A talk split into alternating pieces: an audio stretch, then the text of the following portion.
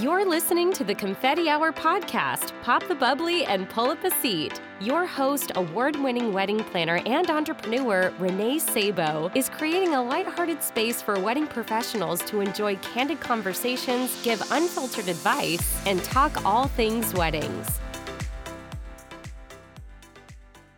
Before we kick off today's episode, I am so excited to share that my new education website is here. This new website is a home for my mentoring services for wedding planners, my educational blog, the podcast, and one of my favorite new offerings, the Confetti Hour Shop. I am also proud to share that I launched my first intensive guide for wedding planners. This guide is on how to create a process driven approach to wedding planning, and it is a true look into the exact process that I use in my own business, Urban Soiree, to serve my luxury clients. Creating a process driven approach to wedding planning guide is now live in my Confetti Hour shop, including other fabulous resources such as new inquiry email templates for wedding planners, client onboarding email templates, and an ultimate wedding tipping guideline, and so much more. I hope you will go check out the new website over at reneesabo.com and see if one of these resources could be helpful for you and your business. Welcome to this week's episode of the Confetti Hour podcast. I'm your host, Renee Sabo, and this week I am bringing on an incredibly talented planner and designer. I'm so excited for you to get to know her. I'm sitting down with Tracy Taylor Ward of Tracy Taylor Ward Design. Tracy Taylor Ward Design plans, designs, and produces with florals and stationery in house exceptional events throughout the world. Their award winning firm is named on the Bride's Best Planner list and has been featured in Vogue, Harper's Bazaar, The New York Times, Martha Stewart Weddings, and Town and Country, to name a few. With offices in New York City and South Florida, the TTWD team strives to exceed expectations and deliver an unparalleled experience every step of the way. You guys are going to get to know Tracy, hear how she built an incredible business, and she will also be sharing some really valuable tips on how to nail your client's event design. You guys are in for such a treat with this episode. So, without further ado, please help me give a warm welcome to Tracy. Hi, Tracy. Welcome to the Confetti Hour. Hi, Renee. Thank you so much for having me. I'm so honored to be here. Thank you for being here. I'm I'm the honored one. I'm just so happy to have you on and have people get to know you even better. But I just adore you. So I'm really happy that you're coming on the confetti hour. You're so sweet.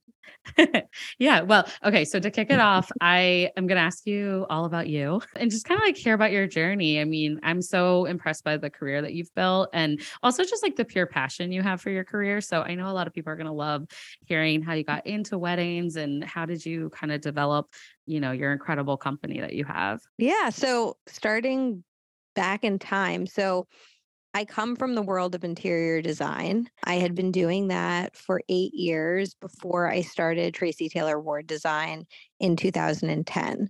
And so when I first started my company, I was doing event planning in addition to design, but I really only thought of myself as an event designer that just happened to offer planning services. I didn't actually love the term party planner because I felt like it was really downplaying what my background was. But I had planned my own wedding in 2009 and I had worked on it with my husband, who is now my business partner. And when we were in the process of planning, we had a handful of friends come to us and ask us if we could assist with bits and pieces of their weddings. And then one of my best friends actually had me plan her entire wedding. And this was all happening in 2009. Oh, so wow. then in 2010, when I actually got married and my best friend got married, we posted pictures on Facebook. Instagram was in beta at that point, and I didn't know anybody who was on it. I certainly wasn't on it back then. So yeah a lot of people started seeing the pictures of our weddings on Facebook and asking us who we had hired, not realizing that I had planned my own wedding and designed it and done the same for my friend Jenny. And so, naturally, within about six weeks of my wedding, I started getting a lot of inquiries from people who knew that I was in interiors, but now were asking me to do their weddings. Oh. And the demand ended up outpacing the amount of inquiries for interior design projects. So, that was when the writing was on the wall and I sat down with my husband and I asked him if he wanted to officially start a business with me. And he said yes. And then TTWD was born. That's amazing. I didn't know you and your husband started at the very beginning together. That's really Yeah. cool. hmm What what was he doing prior to you guys starting the business? So funny enough, he had been in grad school at Columbia for art education. He was going to be an art teacher Oh, and he had just graduated. and I was like, and don't become an art teacher and come and join me and work with me. And he was like, okay. That's awesome. I I feel like life just you never know how it's going to turn out and I'm sure over the years has it been so nice being able to work together and build it from the ground up? Yes. Well, I think you probably know this because I know you listen to our podcast. So, Yeah. Just for the listeners right now, so I have a podcast with Shannon Leahy. It's called Wedded, the Wedding Planner Podcast. And we cover lots of topics, and it's really geared towards wedding planners who want to either level up their companies or are just starting out and don't know where to begin. But also, it does cater to brides too who want to learn about planning. So, Yeah. if you're listening to that uh, podcast, you will hear me talk about Matt ad nauseum. I try to rein it in, but I am legitimately obsessed with the man. Um, so yes, for me, working with him is fantastic. He is the nicest guy I know, and he's so smart and so funny and kind and thoughtful and all the things. And I will Yeah. stop so I don't make people throw up. Um, but I have Oh. never not enjoyed working with him. I actually love that. I think that it's amazing to be able to find that, you know, in your partner. And it's funny because you hear other people, like even Shannon and I were talking, like I'm kind of in the middle. I I really love that side of my husband. I think we could make really good partners. We just have to have some serious structure in place because he is in finance and he's like very intense and I'm just like a creative and a little less intense. So Mhm. um, but Shannon was saying like she would never work with her spouse. So I was laughing and I think it's amazing that it works for you guys and that you enjoy it so much, you know. It's probably just even more rewarding doing it together. So that's really Yeah. cool. Yeah. Well, It's over the years, special. I think it's special. I don't think it's nauseating. I think it's really sweet, actually. Thank Um, you. And I'm sure you have like ups and down moments like we all do, but it's just nice to have your partner in all the things, I'm sure. So, um, Yeah. but how has that been like growing the team over the years? Because you not only do you work with each other, but I know you also have a fabulous team. And what has that looked like growing over the last, you know, I, I was almost about to say decade, but it's a little more than a decade. So, Yeah, we're we're coming up on 13 years. So when we first started the company, we were only working from our apartment and we were lucky that we have a nice apartment that's big enough to be able to have multiple people with us in the apartment. Um, but we were all sitting around our dining room table, which is a big round table as a Yeah. group. I had a couple of interns to start with. And so there would be like four of us around the table. And then it got a little bit bigger. And as it grew and as we got a little bit older and realized that we wanted to have a kid, we mm-hmm. realized that we would not be able to continue to work in the apartment with a newborn. And so in 2014, at the end of the year, we started looking for an office space. And we got really lucky that we mm-hmm. found the perfect spot, walking distance from our apartment in a beautiful townhouse off of Madison Avenue. And we signed the lease. And so January 1st of 2015 was when we moved into that space. And it served us really, really well up until the pandemic. yeah. Um, and it was ironic because in February of 2020, we had already made the decision that we wanted to move into a new office space. And it was a very similar space, or I should say it is, because this is where we currently are. It's a similar townhouse off of Madison Avenue, but even closer to my apartment, ironically. and we had found it and signed the lease in mid February, not realizing that COVID was going to become an issue.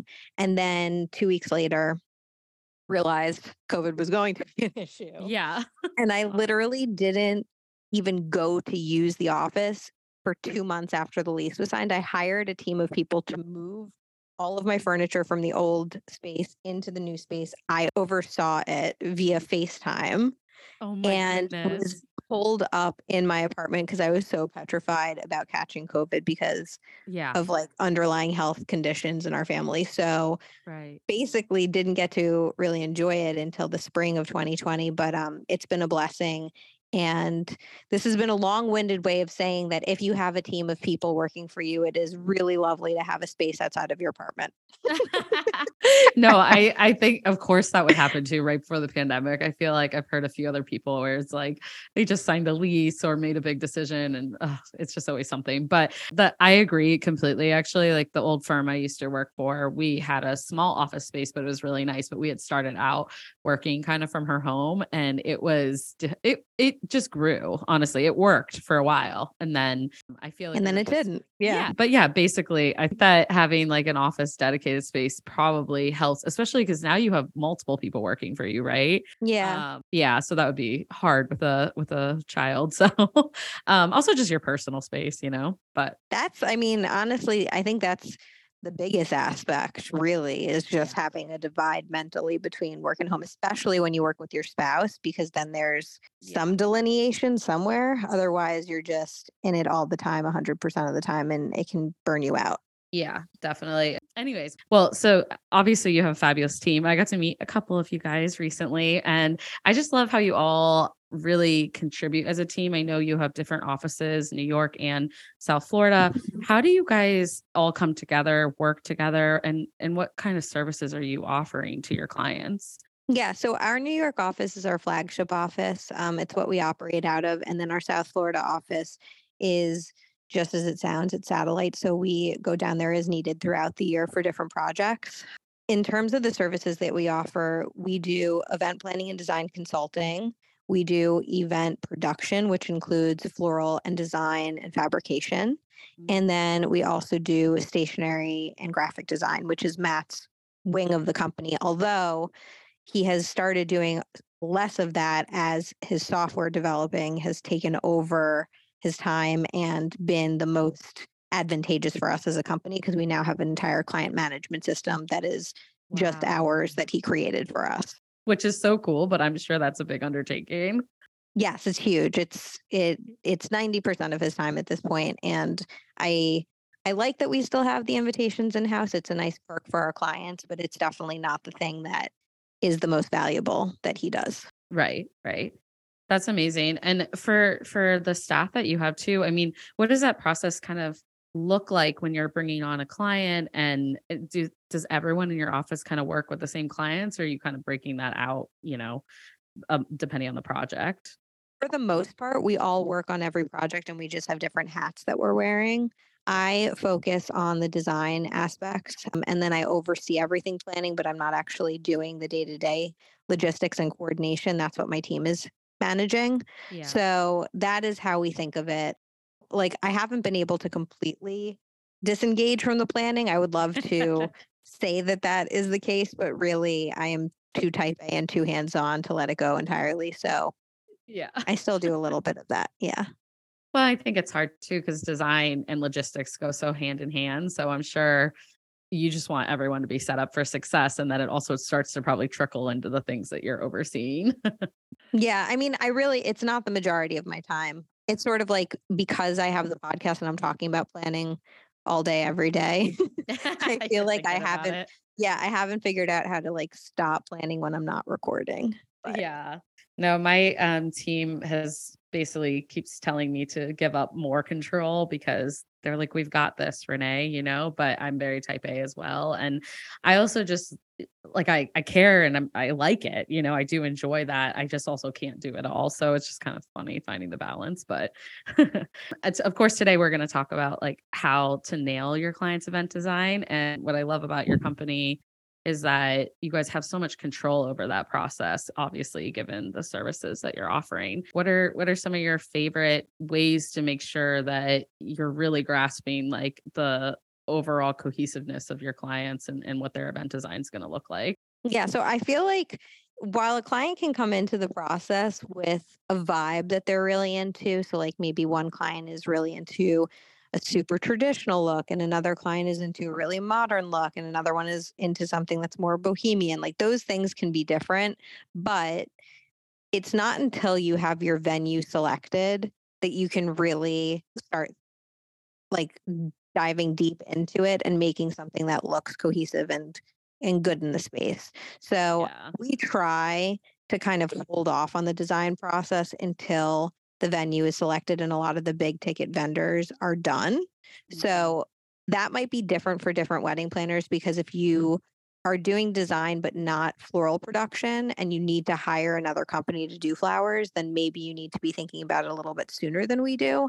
But because we do the flowers in house, it's the last thing that I need to focus on. So I will do the venue, we'll do photography and videography, music and entertainment, and then, you know, website, save the dates, like all that stuff.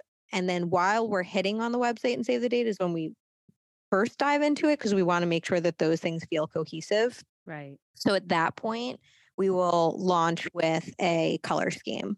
And all of the things that we're going to talk about now, again, like we do have episodes on the podcast for Wedded where you can hear more about that, but we'll just kind of like lightly cover as much as we can today for your listeners. So, Yeah. With the color scheme, it's a combination of knowing what colors your clients love, knowing what colors your clients hate, and then looking at the venue and seeing what colors are actually in the space and trying to analyze those three things together in terms of coming up with something that works really well for them.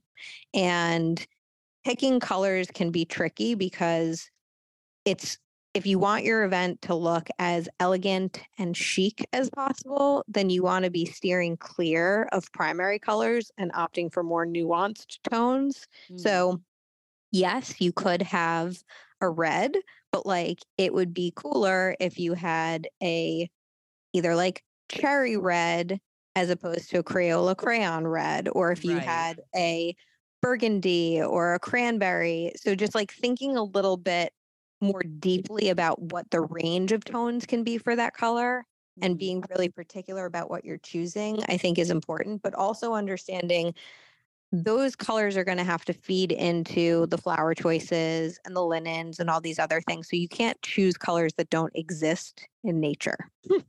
Right. Oh, I actually And- love that approach. Yeah.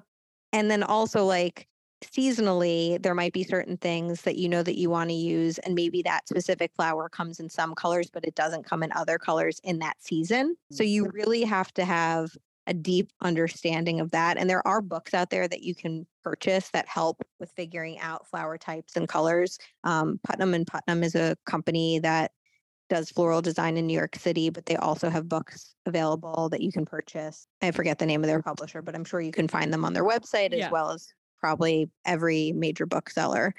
Yeah. So that could be a really good tool for somebody, but figuring out that color scheme is the first step. And you want to get that approved by your client before you start diving deeper into the other event design aspects because you don't want to spin your wheels putting together a color scheme that you don't know if they're going to like and then figuring out all this other stuff and then finding out that they wanted a color changed that makes everything else not work. Right, right. No, I I actually approach the design process in a a- actually the planning process entirely in a similar way because I think there's so much that you have to do to lay the groundwork and the framework of the event, which like the venue is that huge piece of it and kind of playing into what's that's what it's going to feel like.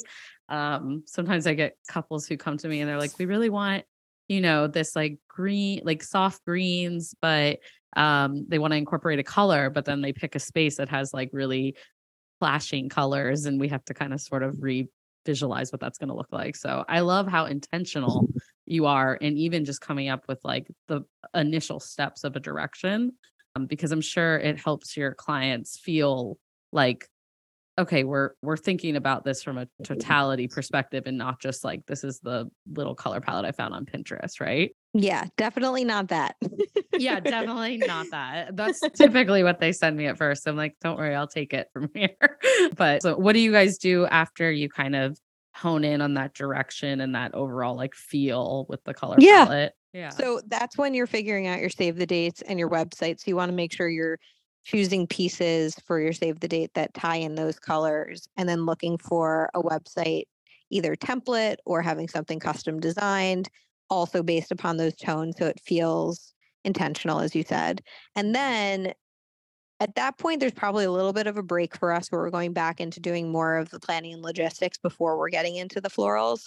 But at the point, maybe a month or two later, where we want to deep dive into it, that's when we use our design workbook, which is a tool that I did not have at the beginning of my career. When I first started TTWD, I did not have this workbook, and it was a very different process that was really inefficient. And I learned so much about what not to do, and that helped me figure out what to do. So Yeah. at that point, I created the design workbook. It's something that Shannon and I, Shannon added some stuff to it, and now we sell it through the weddedshop.com. So anybody can go purchase it and use it with their clients too.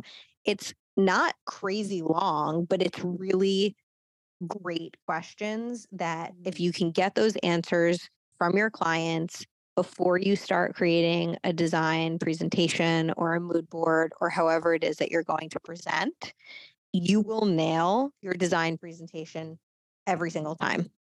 There is literally no mm-hmm. room for error.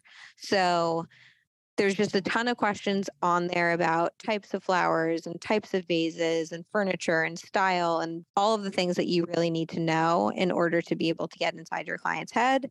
And then with that, you will feel so informed that you're not going to put anything on your mood boards or on your presentation that they're not going to like. And then when you're presenting to them, they can't understand why it's so good, but that's why. That's amazing. Yeah, it's almost like you're reaching into their all the things that they're going to tell you, but also the things that maybe they didn't think to tell you. or- Exactly. Yeah. Yeah. And I love that's how you get to know them because there's just so many options these days when it comes to weddings and how do we make them feel personalized and different and you know i think that's exactly how right like you truly deeply get to know them and what their you know styles are but also kind of like what they're drawn to and like i don't even know if some of them realize that's what they're drawn to so i i love that I'll, I'll link Wedded down below, of course, but I'm going to link your shop too because I know you have some other amazing workbooks and like kits in there for people. But Yeah, it's all the tools that we use for our own companies that we just made available to everybody. So it really is tried and true, tested internally. yeah, literally, you're like it. It has worked for years for us, so Yeah. it's amazing. And I feel like nailing that presentation with a client, it's like the best feeling when you just they feel like you got them and vice versa. Um, Do you typically present it to your clients or do you send it to them prior? Like, how does that process look like for you with design? So before COVID, we used to have all of our design meetings in the office, and people would come over and sit on our sofa, and we would put up the presentation on our TV, and everybody was together in person. And then once COVID hit, we moved it over to Zoom, and we share our screens with them.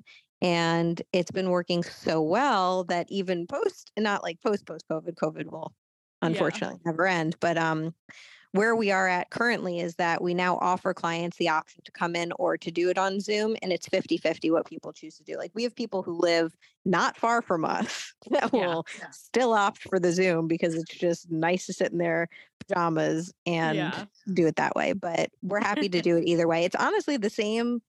They're experiencing the same thing. And for me, quite frankly, like when I do it on Zoom, I can watch their expressions more easily than I can when I'm presenting it in the office. So there are kind of some benefits to the Zoom. Oh, I've switched over to Zoom for my design presentations too. And it's so nice for note taking as well. Like my team and I, I've never had more robust notes now on like their feedback and us going through things because in person, I feel like I'm kind of like entertaining, you know?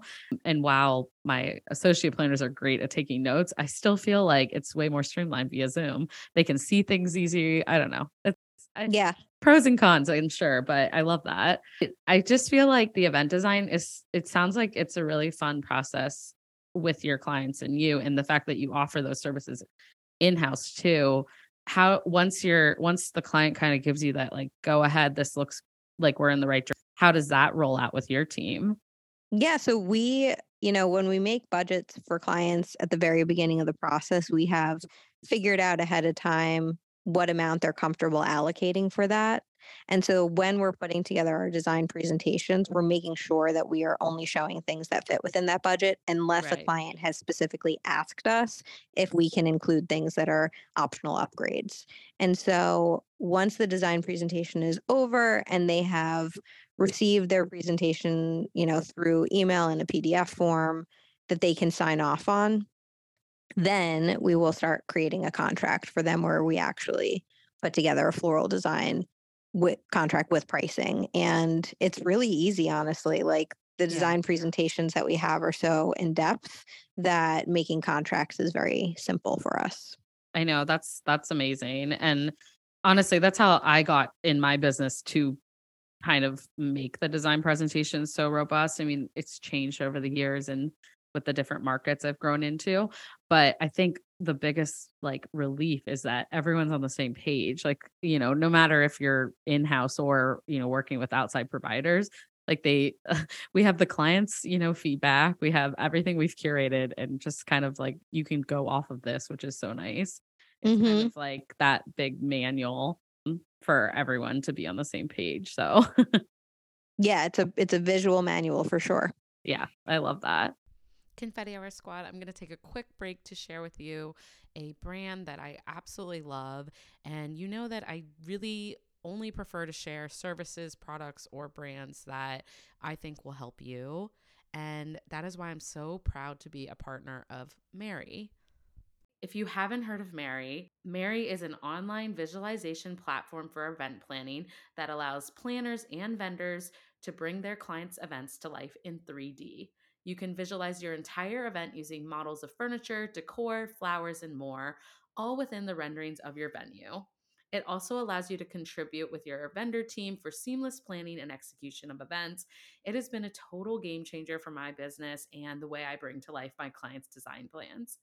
If you are a planner and you're ready to see how Mary can uplevel your business, you can email ambassador at bmary.com to get started. Well, this has been so helpful. Thank you for giving us a peek into how you, you know, nail your client's event design and kind of what that process looks like for you. I feel inspired um, being, you know, your industry colleague and a fellow planner. So I'm sure a lot of our listeners do too.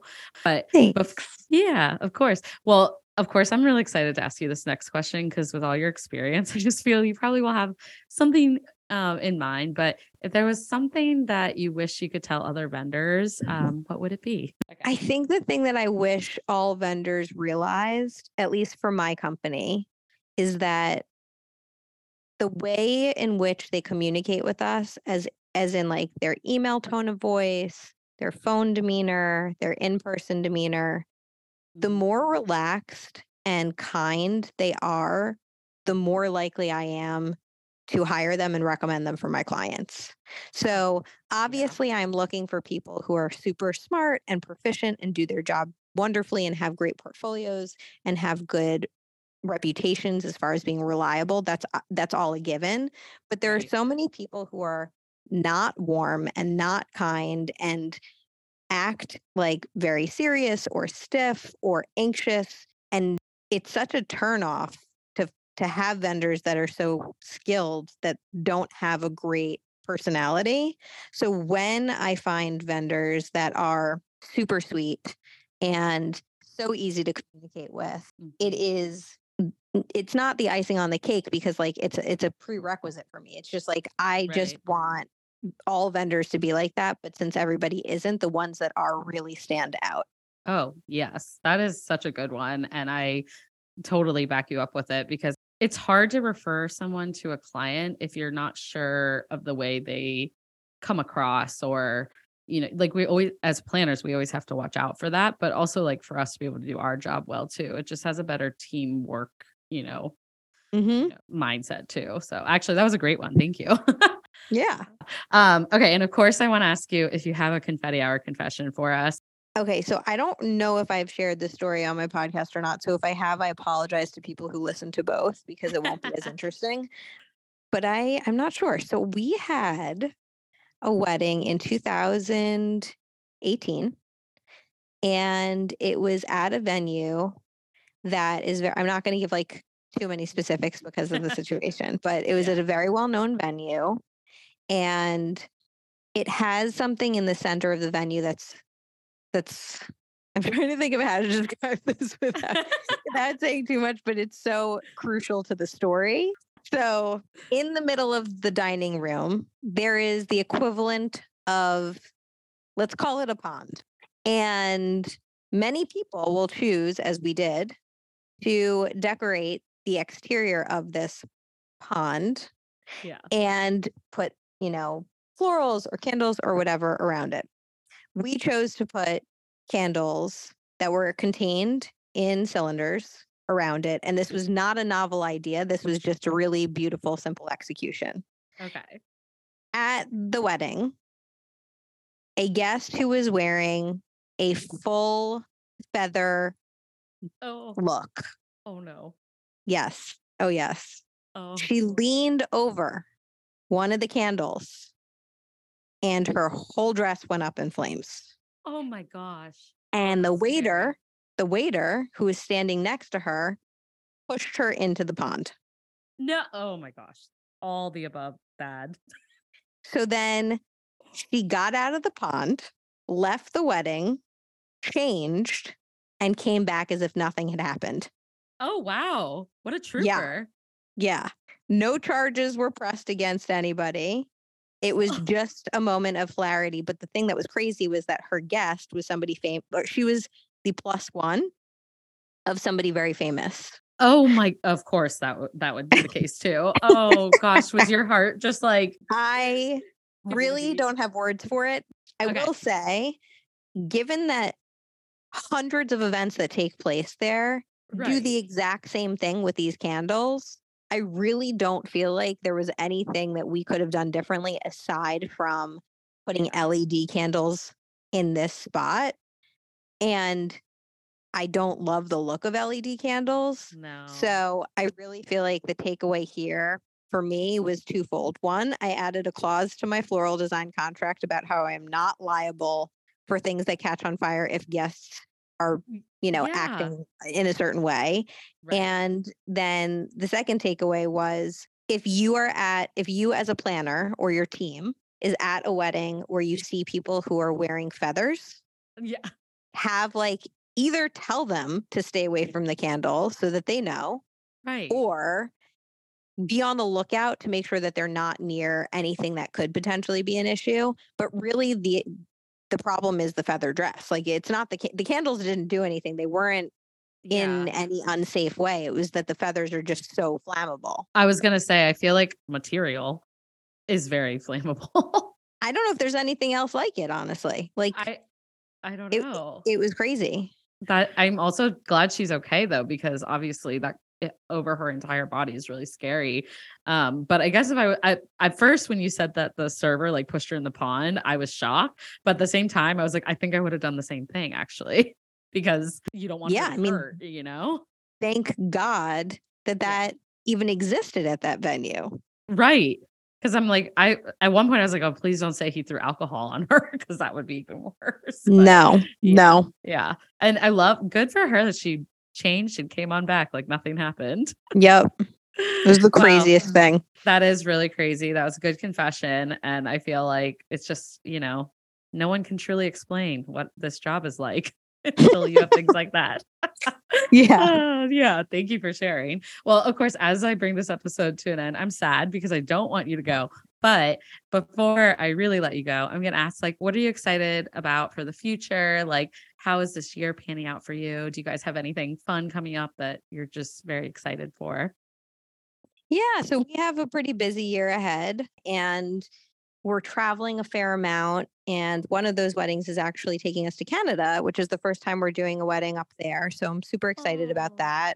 It's in. Quebec. So it is a French speaking area. So it feels very destination y for us. Yeah. And that's probably the thing that I'm most excited about. I'm also turning 40 in a couple months. So I'm trying to plan some fun stuff in my personal life. So those are the things that I'm most excited about. That is amazing. Well, I did a wedding in Montreal and it was um the language, I know what you mean. It feels very different, but it was magical. So I can't wait to see what you guys do in Quebec because I'm sure it will be incredible. It's going to be a beauty. yeah, so fun. Well, where can everyone find you on the social web, your podcast, all that jazz? Yes. Okay. So you can find me on Instagram at Tracy Taylor Ward. My website is the same, tracytaylorward.com. My podcast I mentioned before, Wedded, the Wedding Planner podcast. It's on all platforms. And then you can purchase items through weddedshop.com. And that's about it. Awesome. Well, I will link all that down below, of course. And thank you so much for taking the time. I know you guys are busy gearing up for an amazing year. So I really appreciate that you were on the confetti hour. And hopefully, I'll get to have you back someday soon. Thank you so much. It's been a pleasure chatting with you. And I'm so glad that we were able to connect. yes, me too. And that concludes this week's episode of the Confetti Hour podcast. Thank you guys so much for tuning in. I hope you absolutely loved our guest, and I can't wait to hear your feedback over on social media. Before we go, I just want to remind you to please subscribe and stay tuned for future episodes. And if you are a longtime listener of the show, I kindly ask you to take a few moments and leave a review over on Apple Podcasts. Do you know a fellow wedding pro who might love our podcast? Screenshot this episode, tag a friend, and tag us over on Instagram at The Confetti Hour or The Confetti Hour Podcast on Facebook. That's it for this week, and I look forward to talking with you soon. Bye, Confetti Hour Squad.